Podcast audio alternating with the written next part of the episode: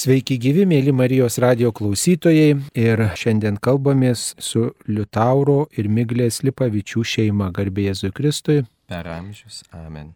Šiandien minime Rožinio karalienę, Mariją Rožinio karalienė ir visą spalio mėnesį melžiamės Rožinį. Įprasta, kad apie maldą daug kalba kunigai, daug kalba vienuoliai ir kartais mums tas kalbėjimas atrodo kaip malonus dusgenimas ir mes gal ir kartais nekreipiame dėmesio į tuos paraginimus melstis. Ir visada mums kunigams nuostabu matyti, kai šeimos meldžiasi Rožinį, kai šeimos kalba apie maldos prasme, maldos reikšmingumą, maldos gilį, tai yra labai svarbus liūdėjimas, kuris ir mus kunigus sustiprina ir manau kitus pasauliečius sustiprina žmonės, kai kalba toks pats žmogus, kuris turi visokių rūpeščių, bet suranda laiko ir maldai, kai atrodo kunigo vienuolio pagrindinis darbas turėtų būti melstis, tai visada yra žmonėms įdomu žinoti, o kaip maldai suranda laiko pasauliečiai. Taigi Miglės ir Liutauro šeima šeimoje melžiamasi rožinio malda. Ir štai čia į studiją Liutauras atsinešė rožinį ir padovanojo Marijos tarnaičių, švenčiausios nekaltosios mergelės Marijos tarnaičių kongregacijos pagamintas rožinis, kurį jūs dovanojate daugeliu žmonių. Tai tikrai labai džiugi, miela rožinio dovana. Kaip jūs surandat laiko tokiai gana ilgai maldai rožiniui? Keistas toksai klausimas, iš tikrųjų tai visai neilga ta malda kažkuris šventasis yra pasakęs, gal šventasis Salezas, kad tas, kuris nesimeldžia, nepateks į dangų. Ta prasme, kad malda mūsų gyvenime yra, drįšiau tai pasakyti, yra svarbesnė už maistą, nes valgydami mes gyvensim kažkiek tai metų, o nevalgę numirsim per mėnesį, tai jeigu mes nesimelsim, tai mes numirsim visam žinybę. Pasauliečiams turbūt melstis nėra lengva pradėti. Ir visada atrodo, kad mes čia turim labai daug visokių rūpešių, neturim laiko, esam labai užsiemę, bet jeigu pasižiūrėjus į dieną, ką mes atiduodam savo laiką, tai pastebėsim, kad žiūrim televiziją, spoksom žinias, kurios nieko gero nepasako, šiaip drypsome ant sofos ir surasti laiko Dievui ir maldai, na tai yra visiškai natūralus dalykas. Nors kaip tik šį sekmadienį kalbėjome su savo parapiečiais, kad ta problema laiko iš tikrųjų yra daug baisesnė ne tik maldai kiek šeimos nariai skiria laiko savo vaikams. Ir yra tokia gana baisi statistika, kad sako vidutiniškai su vaikais šeimo išnekama 8 minutės per dieną. Tai reiškia, kad mes iš tikrųjų nemokam skirti laiko tam, kam reikia. Ir kai suvokiam, kad malda yra privaloma, būtina ir nepakeičiama mūsų išganimui, kadangi turime amžiną sielą, tai tada surasti tą laiką maldai yra labai paprasta. Tai kaip jūs skiriate savo šeimoje rožinio maldai pačias ankstyviausias valandas, vėlyviausias valandas, ar, kaip suplanuojate dieną? Mūsų šeima jau yra 26 metai sakramento santokos. Ir nuo pat pirmų mūsų gyvenimo kartu dienų mes turime šeimos maldą vakare. Iš pradžių buvom dviese, tai šeimos malda buvo brevijoriaus vakarinė, O tada gimė kūdikis ir šeimos malda susitraukė iki tėvę mūsų. Taip, nes reikėjo laiką skirti kūdikiui. Tai čia turbūt klasikinė situacija daugelie šeimų. Normalu, tada gimė kitas kūdikis, o tas pirmasis pradėjo kalbėti jau, tai reikia ir jį mokinti melsis tiesa, šeimos malda pailgėjo ir per tuos 26 metus mes išlaikėm savo šeimos maldą per visas audras ir visus konfliktus ir visada jinai buvo. Tai šiuo metu mes jau užauginom tris vaikus, bet dar auginame tris kitus. Ir su šitais likusiais vaikais trimis penkiese sėdam kiekvieną vakarą melstis. Jei norėsit kunigė Sauliu mums paskambinti 8 val. nekelsime ragelį, žinokit, melžiamės.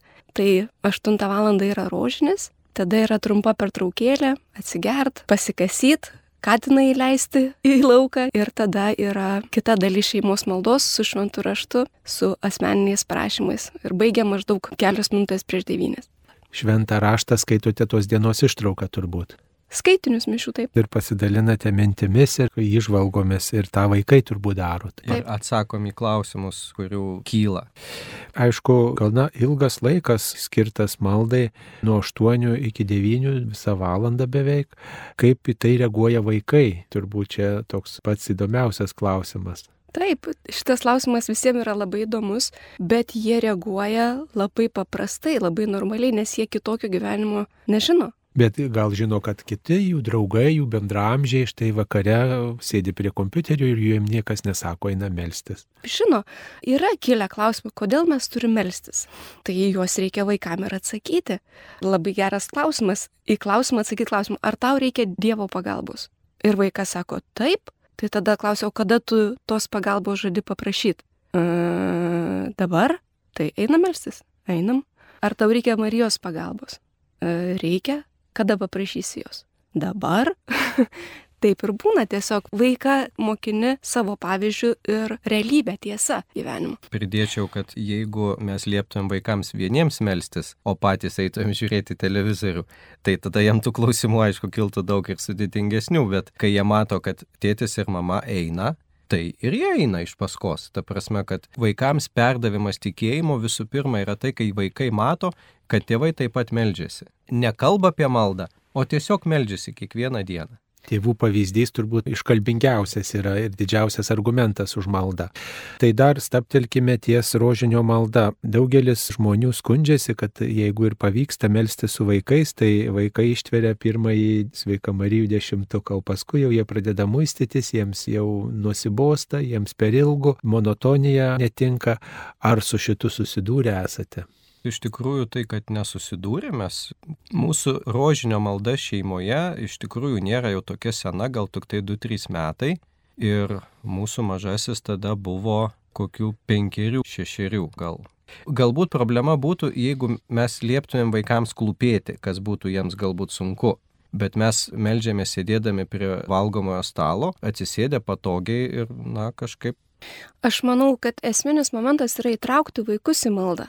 Ir kaip jūs įtraukėte? Jie veda rožinį pakaitomis ir turi savo mėgstamas knygeles rožinio, mąstymus skaito, jeigu kalbam apie rožinį. O dar suvarto šventą raštą pagal dienos skaitinius, suruošia maldą. Kai mes melžiamės rožinį, tai tėvai beveik niekada neveda rožinį. Ta prasme, visada mes turim netgi balansuoti, kuris vaikas, o aš noriu mesti, sakom, rožinį. O tu vakar vedėjai, dabar ne tavo eilė, dabar mano eilė. Tai turim balansuoti, kad ten koks nors vienas vaikas du kartus iš eilės nevestų, nes kitas jausis nuskriaustas.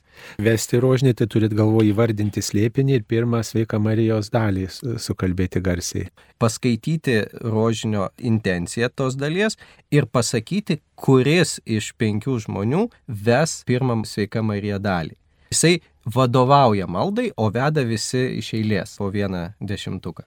Tai čia tas iniciatyvos laikymas rankose vaikam turbūt na, kaip dėmesio ženklas ir tokios pagarbo ženklas ir įvertinimo ir jaučiasi vaikas svarbus. Taip, ir pavyzdžiui, suruošti maldą, tai reiškia pagal knygelę atversti ir įdėti skirtukus to rašto vietoj, na, penkiamečių, šešiamečių yra pakankamai iššūkis ir jis jaučiasi labai svarbus, kai jam patikima yra tokia užduotis, o paskui tiesiog jau, kai daug dešimčių kartų tai daryta, tai tiesiog yra irgi būdas prisidėti prie šeimos maldos ir vaikams tas labai patinka. O ar susigaudo, kurią švento rašto vietą atversti ir kaip surasti ten vieną ar kitą ištraukėlę? Be abejo, ta prasme, ir turiniu moka pasinaudoti, ypatingai va kaip mokytojo ir koheleto knyga. Tai čia kuris, čia kaip čia kuris. Ir surasti, kaip šventame rašte tas parašyta, tai taip ir išmoksta naudotis. Ir turbūt klausia patarimo pas tėtį ar mamą, ar vyresniuosius, brolius, seseris. Taip, jeigu neranda, arba sako, žinai, čia parašyta, kad 20 skyrius, o čia yra tik tai 19 skyrių. Aha, reiškia, ne tą knygą greičiausiai atverti. Tai va, tai ne tą skaitinį, reiškia, ne taip suradai kai kuriuose šeimose turbūt vaikai mėgsta įvairių spalvų tuos rožinius ir kai kurie žmonės va tai pasirenka, va tau šiandien tokios spalvos rožinės, tau kitokios spalvos ir taip pat kitai dienai galbūt kitą vėrinį įima, kitokį rožinį, uždega žvakutę, va tokie papildomi ženklai, kiek jie prisideda prie pamėgimo tos maldos, atrodo tokie smulkus dalykėliai, bet jie kažkaip patraukia žmonės, kaip manot. Aš tai manau, kad jūs visiškai tiesus šitai sakydamas, nes bandžiau atsiminti, kad aš pradėjau melstis rožinį. Liutauras parvežė man iš kelionės rožinį, iš Benediktinų vienuolyno, iš Salem. Galvoju, oho, koks rožinis, Benediktino seno darytas, mm, ir padėjau stalčių. Ir tada po tikrai daug, daug metų, turbūt po 11 metų, kai aš pagalvojau, kad reikėtų pradėti man rožinį melsis, aš tą būtent rožinį ir pasiemiau, užsitraukiau, bet jis pragulėjo 11 metų, kaip dovana parvežtas suvenyras iš kažkur labai ypatingas. Bet jam atėjo laikas ir aš jį paėmiau ir nebepadėjau. Tai, kad mes parvežam kažkam rožinį, kuris atrodo nesimels gyvenime to rožinio, taip nebus. Ateis laikas ir tikrai jį paims tą rožinį į rankas ir pradės melstis. Tai labai drąsinių žmonės tą daryti tikrai graži dovana yra rožinis ir atrodo galbūt ir tam žmogui, kuris jau tų rožinių turi daug arba kuris jau tikrai yra maldo žmogus, tai tikrai turi kažkokį rožinį. Visada tas rožinis kaip ir susidėvi nuo mal maldos, jeigu yra praktikuojama šita malda, tai sudyla rankose. Bet e, dar viena tokia detalė, kurią tenka girdėti net ir iš vyresnių žmonių, sako, kai aš pradedu melstis, ypač rožinio maldą, tokia monotoniška, pradeda imti žiovulys ir miegas miegas. Nes, kaip minėjau, trunka beveik pusvalandį, bent 25 minutės rožinio malda, nors ir vaikai yra, gal jie truputį taip gyvubo tokio atneša, bet šiaip turbūt gana monotoniška malda yra. Ar jūs nesusidurėt su tokia miego problema per maldos kelią? Gal kartu su šeima melžiantis mažiau, bet būna taip, kad, sakykime, su šeima nepavyksta ir atidedi rožinio maldą kaip švenčiausia mergelė Marija sakė, kad rožinio maldą reikia melstis kiekvieną dieną, tai klausydami to kartais būna, kad atidedi tą rožinio maldą iki vėlyvo vakaro. Ir tada pasiemi melstis ir jeigu atsisėdė ant kokios sofos, tai iš karto išsijungi. Tai labai geras sprendimas tiesiog vaikščio, kad ir ratukų po kambarį ar po lauką. Ėjimas padeda neužmigti. Iš tikrųjų yra toksai net humoras, sako, nu, jeigu tu užmigsi besimelsdamas rožinį, tai tavo angelas sargas pabaigs rožinio maldą, skaitysis, kad tu pasimeli. Tai ne, reikia patiems melstis. Man atėjo viena mintis, kad būtų gražu pasidalinti, kas atsitiko vienai mergaitai, kuri užmygo melsdamas rožinį. Atsimeni? Taip, iš tikrųjų, aš galiu prisipažinti asmeniškai, kad būdamas katalikas, turbūt kokiu 20 metų sakiau, kad rožinio malda yra nesąmonė. Ir aš jos iš principo nesimeldžiau. Juokas yra tas, kad aš mūsų parapijoje dabar atsakingas už rožinio maldą. Dievas mėgsta humorą. Taip, ir, ir, ir mano pradžia, ir kaip aš pradėjau melstis rožinį, tai gana daug tokių įvairių akmenėlių buvo į krepšelį, kol ta malda mano gyvenime atsirado. Gana didelę įtaką darė įvairūs rožinio stebuklai. Tai yra, kad kaip įrodymas, kad rožinio malda yra svarbi, reikalinga, stebuklai, kurie lydi jau daugybę šimtmečių rožinį ir mes žinom Lepanto mūšį, Man asmeniškai turbūt vienas iš tokių dar vaikystėje girdėtas rožinio stebuklas, tai yra kaip 20-am amžiui iš Austrijos išėjo tarybinė kariuomenė. Tai vienas kunigas ėmėsi vesti rožinio eitynės ir aš paskaičiau, jie ten aštuonerius metus tas eitynės vienoj darė ir susirinkdavo iki pusės milijono žmonių. Kas nuostabiausia, kad tarybinė kariuomenė tiesiog vieną dieną atsistojo ir pasakė, kad mes išeinam. Ir išėjo spalio 13 beje akivaizdžiai Marijos pagalbos būdu, melžiantis rožinį, įvyko tiek didelis stebuklas, kad šalies okupacija baigėsi. Ir vienas iš tokių gal asmeninių kunigo liudijimų, kuris man labai didelį įtaką padarė, tai yra, kad rožinį reikia melsis kiekvieną dieną, tai atsitikimas su serijiniu žudiku jeigu man atleisit už tokius e, palyginimus, buvo toks atsitikimas, kai Amerikoje siautėjo serijinis žudikas, skriausdamas ir žudydamas mergaitės, ir jisai užėjo į vieną koledžą ir įėjo į vieną kambarį, norėdamas pakengti vienai mergaitai, ir tada nežinoma jėga jį išnešė iš to kambario, jis išskrido iš to kambario. Ir ta mergaitė buvo davusi pažadą savo mamai, kad jinai besimokydama koledžą niekada neįs miegoti nepasimeldusi rožinį. Ir jinai užmygo su rožiniu rankose. Ir ta mergaitė atsisakė kalbėti su policija, kalbėjo tik tai su kunigu ir paliudijo šitą situaciją. Stebuklas nesibaigė tuo, kai tas žudikas buvo sugautas ir laukė mirties bausmės, jisai pasikvietė kunigą Ir būtent tas pas kunigas pas jį atvyko ir jis papasakojo tą pačią situaciją iš savo pusės. Tai man kaip tėvui, kurio dukros kaip tik tuo metu mokėsi universitetuose, buvo toks įrodymas, kad aš paėmiau telefoną, suskambinau savo visom dukrom ir liepiau pažadėti, kad jos melsis rožinį kiekvieną dieną. Ir tada pagalvojau, ha, Tai jeigu aš liepiau dukroms melstis kiekvieną dieną, tai ir aš turėčiau melstis kiekvieną dieną. Ir tai buvo tas jau galutinis mano sprendimas, kad aš tiesiog pasiryžau melstis rožinį kiekvieną dieną ir pat jau keletą metų iš visų jėgų laikausi šito pasiryžimo labai graži istorija. O galbūt ir jūsų gyvenime, jūsų šeimoje buvo kokių neįtikėtinų dalykų, ženklų, kurie vat, per rožinio maldą jūs aplankė, tiesiog gal priskirėt mergelės Marijos globai vieną ar kitą įvykį, ar kokią detalę, kuri tikrai būtų gal verta žinoti ir mūsų klausytojams.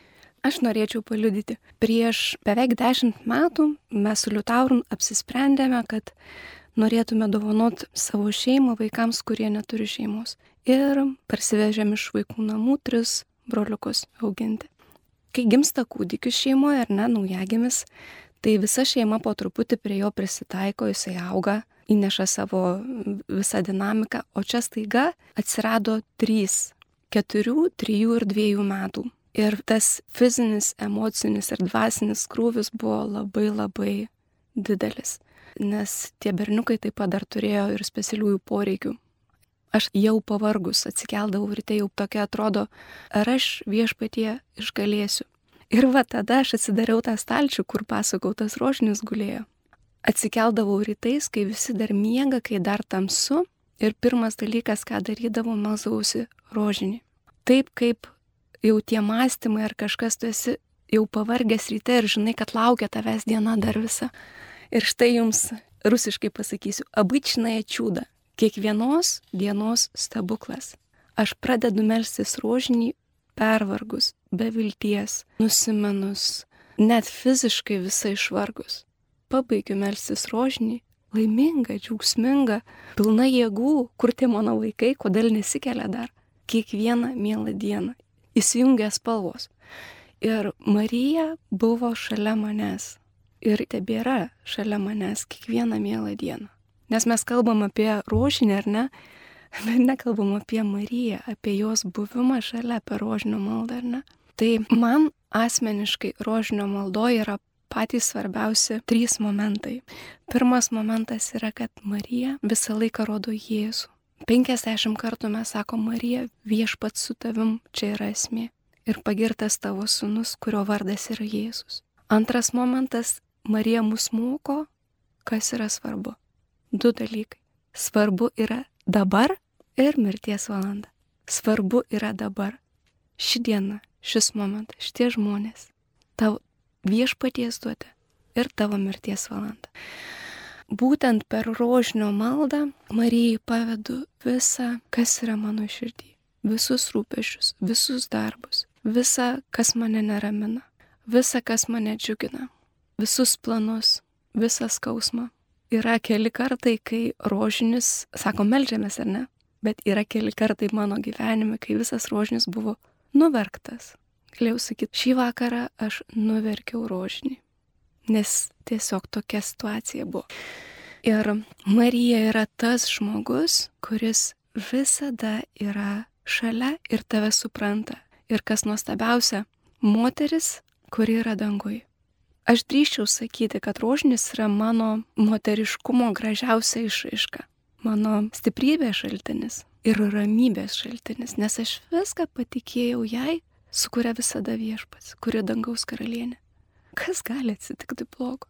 Nieko bet melžiantis rožinį turbūt vis tiek yra tas pavojus, kad ir įkvėpimas aplanko, kad ir žinau, jog bus tiesiog daugiau vilties, šviesos po rožinio maldos, vis tiek turbūt yra tas pavojus, kad mintis kažkur nuklysta prie kažkokių darbų, rūpeščių, planų, kai negalvoja žmogus apie tą slėpinį, kurį įvardino ir kurį reikėtų apmastyti, bet galvoja apie savo reikalus, apie tuos vaikus, kurie dar nesikelia, arba apie jų problemas, arba apie savo kažkokius iššūkius, arba kažkokius kažkas, žinot, na, sutrukdo tiesiog, ar gatvėje užimas koks nors, ar belstis kažkas pradeda, ar keltis, ar, ar kažkoks triukšmas ir iš karto mūsų mintis, o kas ten atsitiko, kas ten vyksta.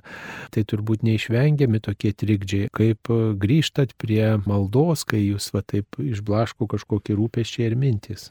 Įsivaizduokit, jūs atvažiavote aplankyti savo mamą, kuri yra jau senutė ir padovanojot jai gėlių ir pasakojat jai viską, ne? Ir pradedat pasakoti apie savo rūpešius Marijos radijui. Ir mama klauso, linksi galvą tada pradeda pasakot apie savo džiaugsmus, jinai džiaugiasi kartu su jumis. Lygiai taip pat Marija. Jai rūpi mūsų rūpeščiai.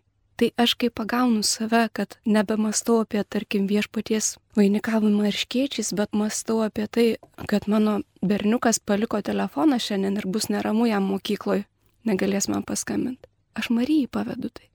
Tu žinai, šitą mano vaiką. Tu būk su juo. Ir vėl grįžtu atgal prie slėpinio. Ir taip tie įsiblaškimai yra mano dalis, tai esu aš. Ir už tai aš visą tai Marijai ir atiduodu. Ir aš tikrai žinau, kad jinai džiaugiasi.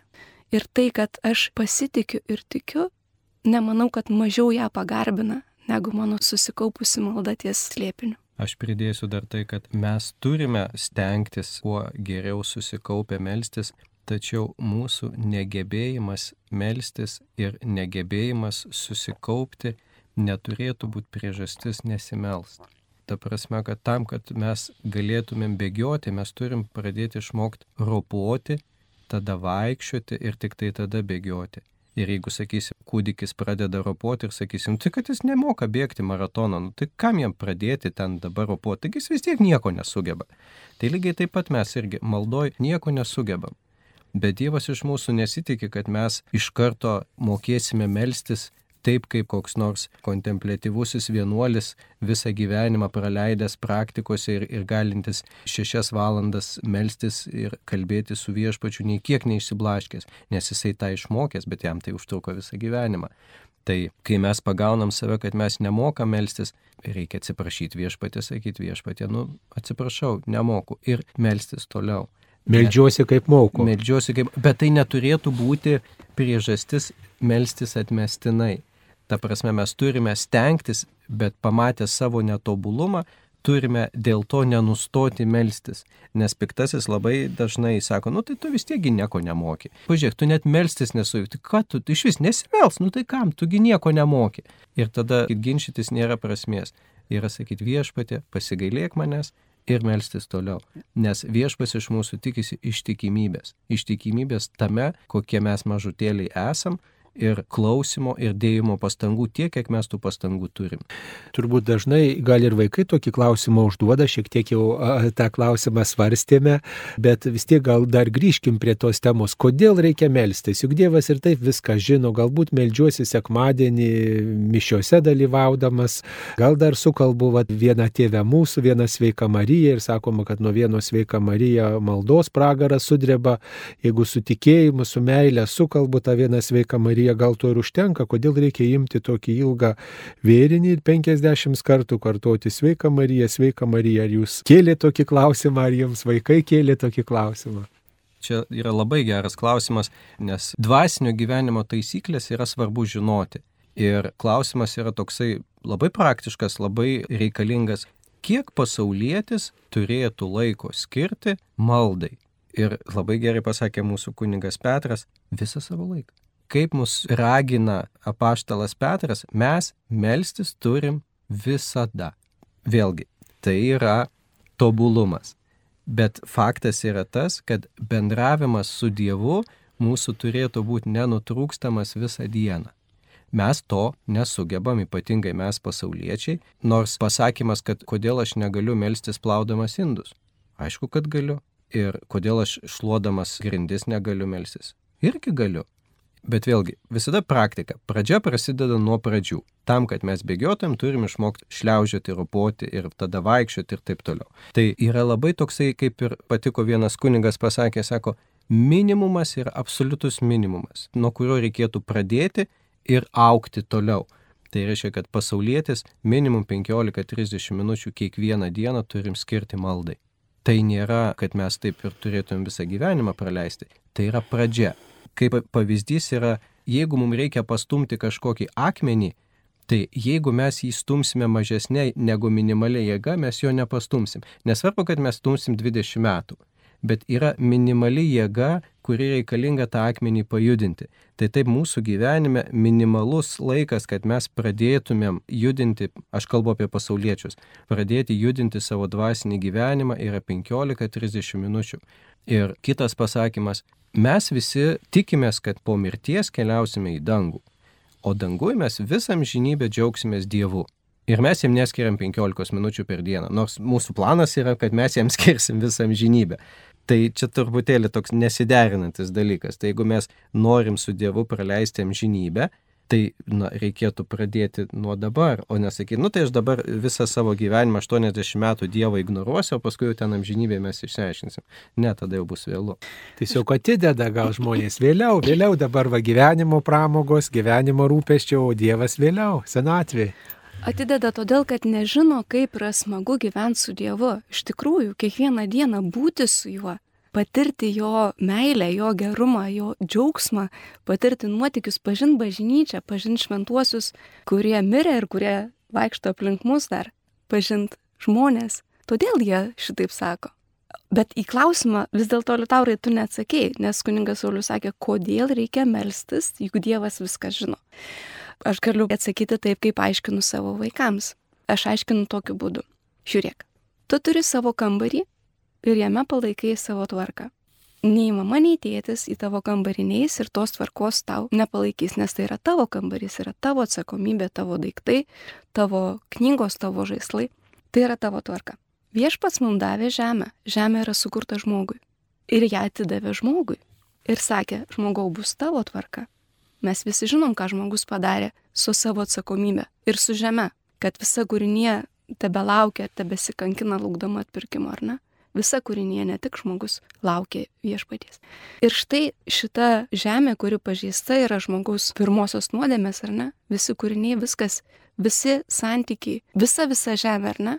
Vis tiek yra likusi žmogaus valioje. Ir malda yra kiekvieno mūsų kasdienybei kiekvieno mūsų kasdienybės mažosiose situacijose pasakymas. Viešpatie ne mano valia tebūnie, bet tavo, tėve mūsų maldoj sakom. Mes melžiamės prašydami Dievo, kad Jisai ateitų ir paimtų šitoj mažoj situacijai, šitam mažam santykiai, kad tai būtų jo tvarka, nebe mano tvarka šitam kambarį. Ir savo vaikams sakau, jeigu tavo spinta bus per daug sujaukta ir tu negalėsi pats susitvarkyti, tu ateisi manęs paprašysi ir mes kartu sutvarkysim. Ir todėl reikia melstis, todėl reikia prašyti Dievo. Nes jeigu norim savo jėgomis mylėti, mes žinom, kad labai norėsim, bet nepavyks. Jeigu norim savo jėgomis taikos, matom, kas bus. Daugelis žmonių galvoja, kad pavyks, mano Dievas čia tarp kitko tik tai. Bet dar viena tokia mintis e, ateina į galvą, štai daugelį bažnyčių rožinio malda yra moterų reikalas, močiučių reikalas. Ir turbūt labai retai meldžiasi vyrai rožinį. Ar jūsų aplinkoje yra besimeldžiančių vyrų rožinio malda? Taip, yra mūsų draugai ir yra pažįstami ir kartu einame, lankomės tą pačią bažnyčią. Tai kai aš galvoju, kad rožinis yra nesąmonė, tai aš lygiai tą patį sakydavau. Čia yra bobučių nesąmonė. Man taip pat didelį labai poveikį padarė liudijimas, kai kažkurioje knygoje dabartinis kardinolas Sigitas Tamkevičius rašė, kad rožinio malda buvo ta malda, kuri jam tremtyje kai jį uždarė į vienutę, buvo tai, kas jam padėjo išlaikyti sveiką protą. Ir tada aš tiesiog pagalvojau, kad taip, aš manau, kad rožinio malda nesąmonė, bet jeigu toksai vyskupas liudyja, kad rožinio malda jam vyrui, ta prasme, ne bobutė kokią pasakoja, nors, kaip sakyt, viskas ten su tom bobutėm labai gerai, bet vyras sako, kad jam sunkumo akimirka, ne akimirka, turbūt kelius metus, tokiu gyvenimo laikotarpiu rožinio malda labai labai padėjo. Ir tada pagalvojau, gerai, aš nesuprantu, kodėl padėjo, nesuprantu, kaip čia viskas vyksta, bet o kas aš toks, kad sakyčiau, kad tai yra nesąmonė, jeigu aš turiu akivaizdžius liudytojus vyrus, kurie sako, kad taip nėra. Ir tai irgi buvo viena iš esminių priežasčių, kodėl aš nusprendžiau pradėti melstis rožinį, nes būtent, kad vyrai liudyja, kad jiems rožinio malda yra labai labai svarbu. Ir iš tikrųjų rožinis buvo duotas šventajam Dominikui. Tai yra vyriška malda. Ir Lepanto mūšyje visas laivynas katalikų meldėsi rožinį visą naktį. Tai yra visų pirma vyrų malda. Ir tai, kad nedaug vyrų liko ištikimų šiai maldai, bet turim ištikimas močiutės, kurias mums liudija apie šitą maldą, apie jo svarbumą. Tai yra gerai, kad mes turim tas močiutės, kurias mums rodo, kad rožinio maldą reikia melstis ir tas tikėjimas dar yra gyvas tose močiutėse. Kaip galėtume apibendrinti šitą laidą apie rožinį, rožinio mergelės Marijos dieną, pagerbdami mergelę Mariją ir tiesiog primindami žmonėms, kad verta melstis šią maldą?